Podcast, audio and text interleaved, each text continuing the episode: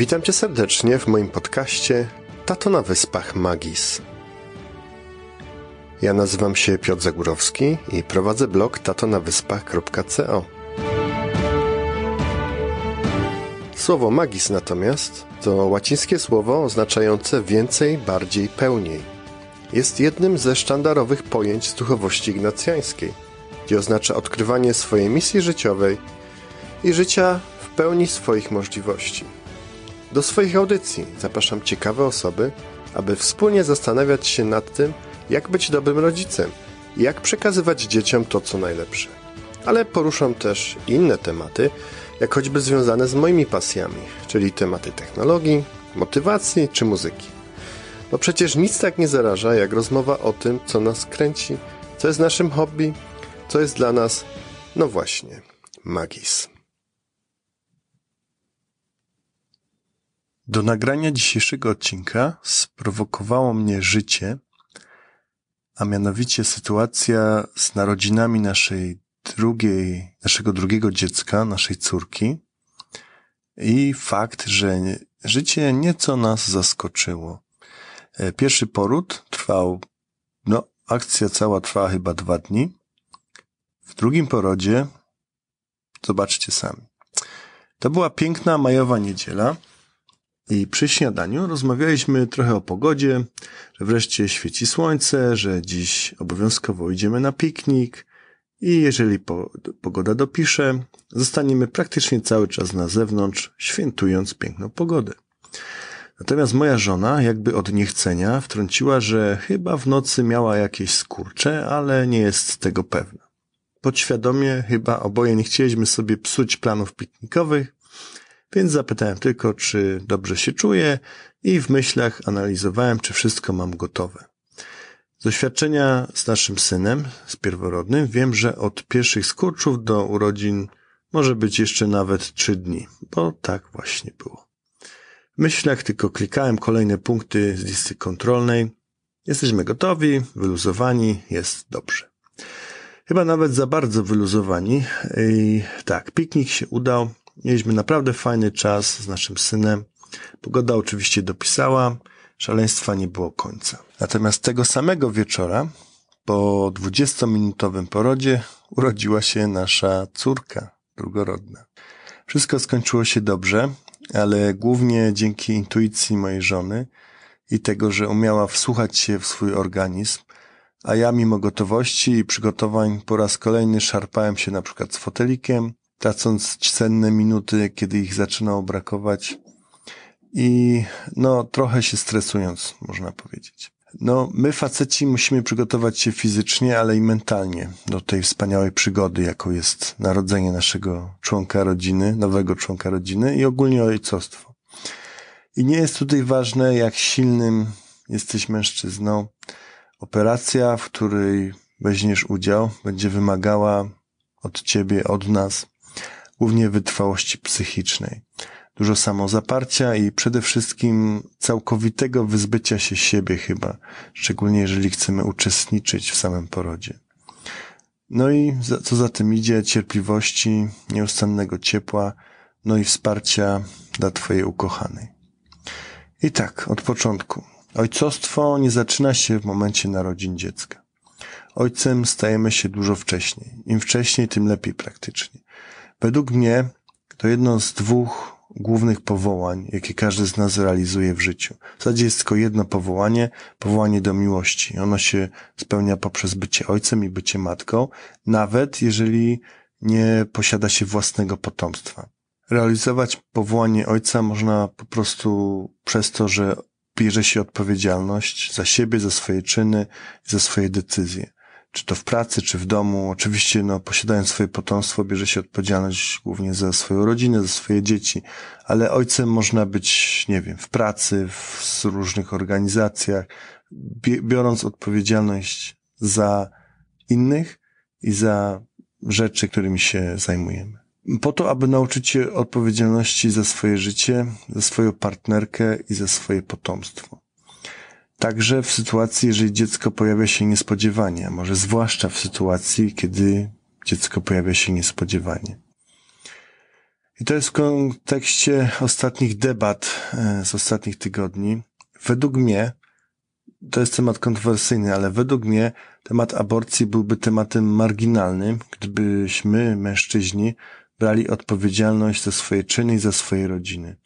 Ojcem jest się oczywiście głównie w rodzinie, tak jak wspomniałem, ale wszędzie, w pracy, w mecze, na zakupach, po prostu to jest podstawa. To jest pewnego rodzaju postawa brania odpowiedzialności, gotowości pomocy i jakkolwiek to trywialnie nie zabrzmi, stawiania po prostu, stawania zawsze po stronie słabszych. Jeśli chodzi o przygotowanie do porodu, czy można być przygotowanym w stu procentach? Wydaje mi się, że nie, ale można pomyśleć o wielu rzeczach, które sprawią, że właśnie w tym dniu, w którym się to dziać zacznie, będzie po prostu mniej stresu i więcej miejsca dla pozytywnych emocji i wrażeń, które pozostają do, w pamięci do końca życia, szczególnie z wyczekiwanym pierworodnym potomku, pierwszym dziecku. Pamiętajmy, że to właśnie my, mężczyźni, będziemy dowódcą. E, nasze partnerki e, będą oczywiście zajęte maksymalnie. Poziom stresu, hormonów i tak dalej, tak dalej spowoduje, że głównie będą się one skupiać na sobie, na swoim organizmie, na tym, co się w nich dzieje, szczególnie jeśli dzieje się po raz pierwszy, no bo to jest niewiadoma dla wszystkich. Trzeba się po prostu skoncentrować i one są skoncentrowane na sobie i to dobrze, że są tak właśnie skonstruowane. Naszym zadaniem natomiast jako facetów jest wiedzieć, jak się zająć tym od strony praktycznej, czyli gdzie zadzwonić, gdzie pojechać, co wziąć ze sobą, e, o czym i jak informować. I to jest szczególnie ważne dla nas e, tutaj Polaków żyjących w Wielkiej Brytanii, czy gdziekolwiek na obczyźnie, gdzie w grę wchodzi jeszcze sprawa komunikacji w stresie, w języku innym niż ojczysty język. Naszym zadaniem jest również uczestniczyć w decyzjach i czy wręcz nawet podejmować decyzje w niektórych przypadkach. Mm, właśnie w szczegól, szczególnie w tych krytycznych przypadkach. Trzeba być na to przygotowanym, nauczyć się kontrolować swoje emocje i w jakiś sposób spróbować oswajać się ze stresem i myśleniem pod presją. Według mnie warto wyszkolić sobie taką umiejętność postrzegania stresującej sytuacji z pozycji postronnego obserwatora. Po to, żeby mieć lepszą perspektywę i żeby na zimno podejmować decyzje, lepiej kalkulować ryzyko, w jaki sposób działać po prostu spokojniej. Dla mnie to jest trochę wykrzywienie zawodowe, ale osobiście wierzę, że ten zestaw umiejętności, że tak powiem, jest bardzo przydatny i w takich przypadkach jak poród właśnie, no, dużo się sprawdza. Także faceci, bierzcie się do roboty. Kolejna rzecz, którą chcę poruszyć, to jest pytanie o to, czy boli.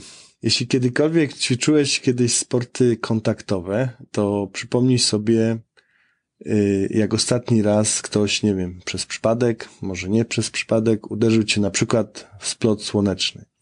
Albo na przykład w krocze. I teraz wyobraź sobie, że ktoś regularnie co pięć minut uderza cię właśnie w te czułe punkty, a w tym momencie ktoś inny widząc twój grymas twarzy pyta, czy cię boli. Oczywiście, że boli i boli jak cholera bóli porodowych rzekomo nie da się porównać z niczym innym i mężczyźni podobno by umarli, gdyby mieli to przeżyć. Ja jestem w stanie to uwierzyć, każdy facet jest chyba e, mało odporny na ból. Dlatego po prostu nie warto zadawać takich głupich pytań, czy boli. E, I tutaj trzeba się dostosować po prostu do partnerki. Nie ma dobrego, dobrej odpowiedzi. Jeżeli trzeba, to dotykaj. Jeżeli nie trzeba, to nie dotykaj. Masuj. Jeżeli twoja partnerka nie lubi tego, to nie masuj, bo to przeszkadza. To jest jedna z tych sytuacji, gdzie zawsze może być źle. Dlatego trzeba po prostu przejść nad tym do porządku dziennego i sytuacja może się zmieniać. Raz jest tak, raz jest inaczej. Trzeba być czujnym, gotowym Jedyne, co można zasugerować swojej partnerce, to słuchanie swojego organizmu, a nam, co można zasugerować, to słuchanie naszych partnerek. I wydaje się, że to jest jedyna porada, jeżeli chodzi o to, jak pomóc tak konkretnie. Teraz tak, lista, co sobie przygotować. Musimy założyć najgorszy scenariusz, czyli tak, kilka niedospanych nocy poprzez skurcze ostrzegające, które, które przeżywają nasze partnerki, no i na przykład akcja porodowa, która się dzieje w nocy. Czyli lepiej dmuchać na zimne. Sobie przygotować listę i naprawdę w takich sytuacjach, choćbym nie wiem, jak był ogarnięty, zagarnięty, zaradny i tak dalej, lepiej sobie zrobić listę wcześniej i po prostu sprawdzać tylko punkt po punkcie. I tak. Pierwsze oczywiście kluczyki do samochodu. Czy zawsze są na swoim miejscu? Czy tak jak na przykład u nas w domu, zawsze gdzieś są w kurtce, nie wiadomo której, albo na szafce, nie wiadomo jakiej i tak dalej. Dobrym tutaj takim protipem jest to, że zwykle mamy dwie, dwie pary kluczy e, do samochodu. Może tą drugą zapasową sobie warto gdzieś zostawić w sobie wiadomym miejscu. Kolejna rzecz, fotelik samochodowy warto przygotować sobie wcześniej, szczególnie jeżeli to jest pierwsze dziecko, pierwszy fotelik, upewnić się, że wiemy jak go sprawnie wyjmować i ponownie montować. Ja osobiście po długiej nocy po porodzie zapomniałem, w cudzysłowie, że nasz fotelik jest takim fotelikiem z tym najprostszym mechanizmem, gdzie jest po prostu jedna dźwigienka, którą trzeba podnieść i wyjąć. I trochę się szarpałem, trzeba było go szybko przynieść, przenieść. No to nie są, to są sytuacje takie, że po prostu człowiek no, już nie myśli. Jest tak zmęczony, że nie myśli, warto sobie to przećwiczyć. E, kolejna rzecz, e, torba ze spakowaną wyprawką. I tutaj najlepiej jest ten punkt e, wydelegować na nasze partnerki jeszcze zanim się wszystko zacznie dziać. W okresie siódmego miesiąca, czasami tak ludzie mówią o ósmego. Ale wiadomo, w niej muszą być tak, ubranko, czapka dla dziecka, tu zależy od pory roku, jak, jak grube to ubranko jest. Pieluchy, pampersy, pielucha tetrowa przydaje się na pewno. Pojemnik na wodę, z wodą oczywiście. Waciki, kocyk do przykrycia, woda do picia dla nas. Oczywiście czekolada, batony energetyczne dla mamy i dla nas też, żeby przetrwać na przykład noc.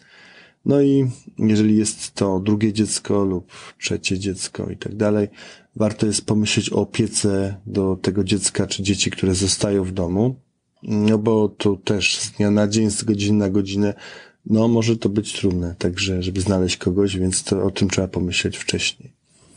Teraz tak, numery telefonów. Każda przyszła mama, przynajmniej w Wielkiej Brytanii tak jest, dostaje zestaw dokumentów, instrukcji, takich broszur, jak tylko zarejestruje się, że spodziewa się dziecka. To jest wszystko załatwiane u lekarza pierwszego kontaktu, tak zwanego GP. W tych dokumentach jest e, też główny i chyba najważniejszy taki zeszyt z danymi przyszłej mamy, miejscem do zapisania danych z przebiegu ciąży, wyniku skanów i tak dalej. I w tym właśnie dokumencie są też dane kontaktowe do położnych, infolinia dla kobiet spodziewających się podomka. Tutaj znajduje się również, yy, znajdują się również szczegółowe dane szpitala, na który zdecydowaliśmy się, żeby rodzić dziecko. I warto się o tym po prostu przygotować. Na przykład sprawdzić adres, kod pocztowy, wprowadzić sobie może do nawigacji wcześniej albo do telefonu zapisać ten telefon do położnych i potem on naprawdę się przydaje w nocy, na przykład jeżeli są, nie wiem, mm, jakieś skurcze i my myślimy, że to już są te skurcze i trzeba jechać na poród, to się okazuje, że to są tak zwane skurcze ostrzegające i pani położna mówi, że trzeba sobie wziąć ciepły prysznic i nie panikować. To się przydaje, bo potem wertować te wszystkie dokumenty, szukać tego jednego numeru, to jest też stresujące tak jak wspominałem, telefon na oddział położniczy.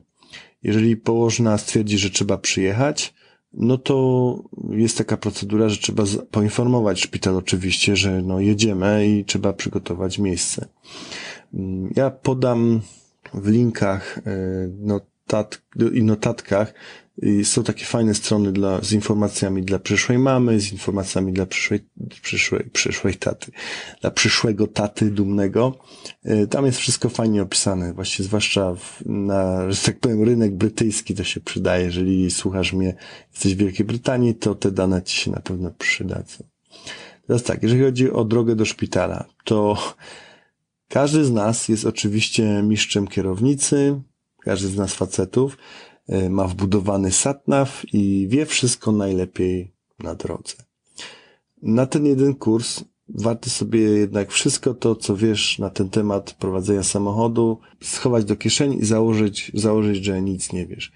To uniknie nam, a w szczególności naszym partnerkom stresu i naprawdę, no, sami jesteśmy zestresowani, więc trzeba się do tego przygotować. I tak. Po pierwsze, jak już wspomniałem, warto jest sprawdzić postkod, e, czyli kod pocztowy i sprawdzić na mapie, gdzie jest szpital. Po drugie, warto jest zrobić kurs próbny grubo przed terminem porodu. Sprawdzić, nie wiem, jak ominąć korki, czy da się znaleźć alternatywny dojazd, zobaczyć, gdzie jest miejsce na tymczasowe zaparkowanie, żeby podrzucić tam pacjentkę na miejsce, zobaczyć, gdzie jest parking, na którym możemy zaparkować na dłużej. Jeżeli, wiadomo, podrzucamy żonę do takiego wejścia, które jest bardzo blisko, tam można tylko przycupnąć, że tak powiem, samochodem, no ale gdzieś ten samochód potem trzeba zaparkować. Co ważne, drobne pieniądze na parkometr. Trzeba też wcześniej zobaczyć, ile się potrzebuje tych pieniędzy. Z reguły parkingi szpitalne w Wielkiej Brytanii są płatne, natomiast często zdarza się tak, że w okolicy, tuż w okolicy jest parking publiczny, który kosztuje albo mniej, albo nic nie, nie kosztuje. Warto sprawdzić wcześniej, czy możemy tam zaparkować, na jak długo, ile to kosztuje, żeby się przygotować, a nie latać na przykład rozmieniać pieniądze, bo tam trzeba mieć, nie wiem, 10 funtów po jednym funcie. Teraz tak, w dniach poprzedzających wyznaczony termin porodu, no warto kontrolować poziom paliwa, żeby nie trzeba było jechać do szpitala z, w bólach porodowych i jeszcze na przykład dotankowywać paliwa. No to by była porażka. I na koniec tak, kiedy ostatnio sprawdzałeś poziom ciśnienia w kole zapasowym? Może się zdarzyć taka sprawa, że będziesz go musiał użyć. Kolejny temat y, to taki, czy być, czy nie być przy porodzie. Ten temat y, wydaje mi się, że warto poruszyć dużo, dużo wcześniej. Na jakiejś kawie, czy innej randce ze swoją partnerką. Narodziny dziecka to bardzo intymne i głębokie przeżycie i tutaj decyzja należy głównie do naszych partnerek. Ja osobiście uważam, że facet powinien uczestniczyć w tym wydarzeniu i według mnie jest to bardzo pozytywny wskaźnik dla związku, jeżeli ta decyzja przychodzi naturalnie i opcja bez przyszłego taty w zasadzie nie wchodzi w grę. Ale są takie sytuacje, gdzie nasza obecność no, nie jest wskazana i jeśli na przykład wiesz, że jesteś, nie wiem, mało tolerancyjny na widok krwi i innych, nazwijmy to, szpitalno-chirurgicznych rzeczy, no to trzeba się zastanowić mocno, no bo wiadomo, może się tak zdarzyć, że trzeba będzie ratować i tatę, i mamę. Jak to sprawdzić? Mm, no, nie wiem, przychodzi mi do głowy tylko to, że podczas pobierania krwi, no nie, nie wiem, nie dajemy rady patrzeć na igłę, albo jak jest igła wkuwana do kogoś innego, no to to już jest czerwona lampka, żeby się zastanowić. Oczywiście generalizuję tutaj, ale tak jak wspomniałem, najgorsze, co mogłoby się wydarzyć, to to, że właśnie podczas tak emocjonalnego i wymagającego wydarzenia, jakim są narodziny szczególnie pierwszego potomka, no tata zemdleje na widok, nie wiem, krwi, łożyska czy czegoś takiego. Jeśli jednak oboje zdecydujecie się na tym, żeby być przy porodzie, to naprawdę będzie to jedna z najpiękniejszych chwil mm, i która jeszcze bardziej scementuje związek. Twoja pomoc jest nieoceniona, nawet poprzez bardzo małe gesty. Ja pamiętam, że przy narodzinach pierwszego mm, potomka czułem się zupełnie niepotrzebny, bo wszystko szło jak należy. Potem jednak, rozmawiając ze swoją żoną, dowiedziałem się, że nawet tak mały gest, jak trzymanie jej za ręce podczas kurczów, to był bardzo, bardzo pomocny gest. I, I to jest trochę jak w życiu codziennym. Nigdy tak naprawdę nie wiemy, jak prosta rzecz, nie wiem, uśmiech, trzymanie za rękę i tak dalej, no jak, jak to może komuś pomóc w ciągu dnia, w, w ciągu jakichś trudnych rzeczy.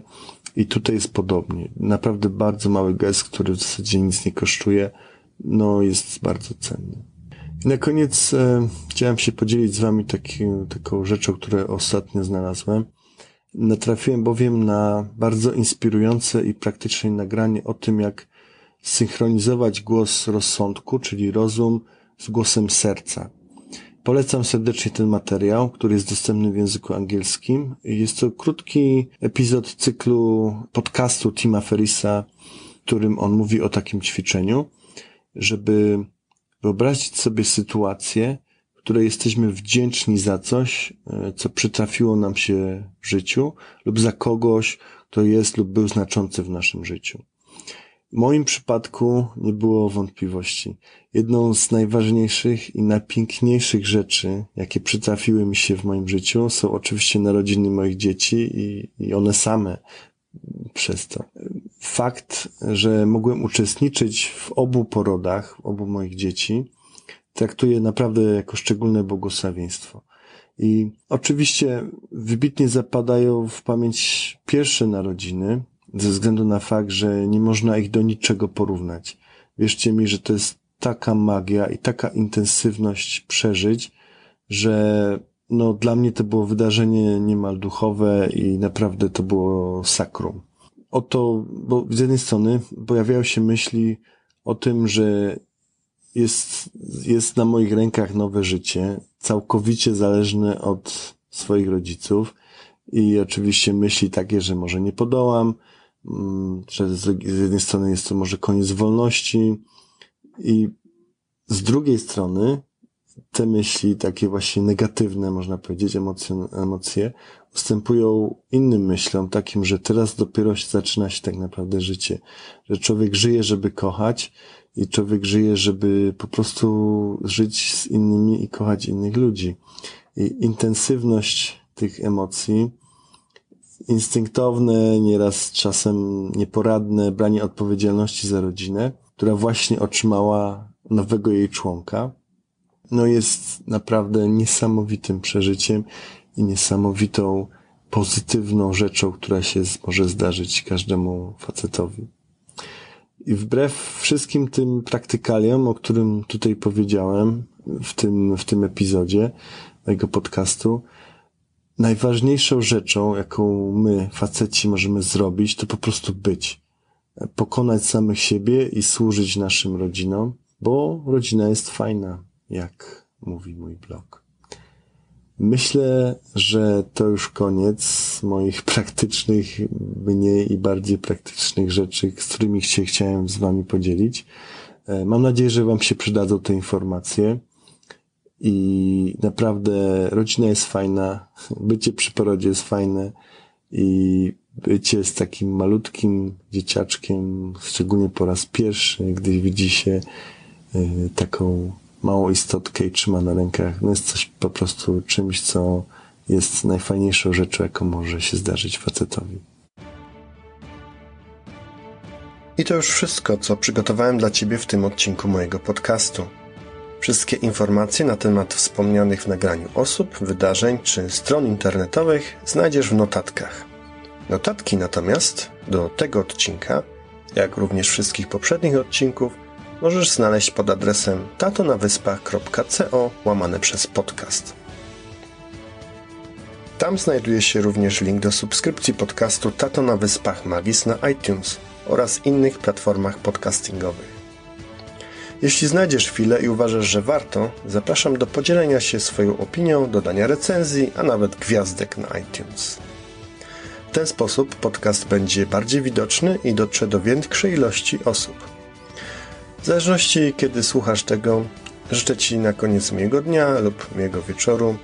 Pozdrawiam Cię makisowo. Do usłyszenia.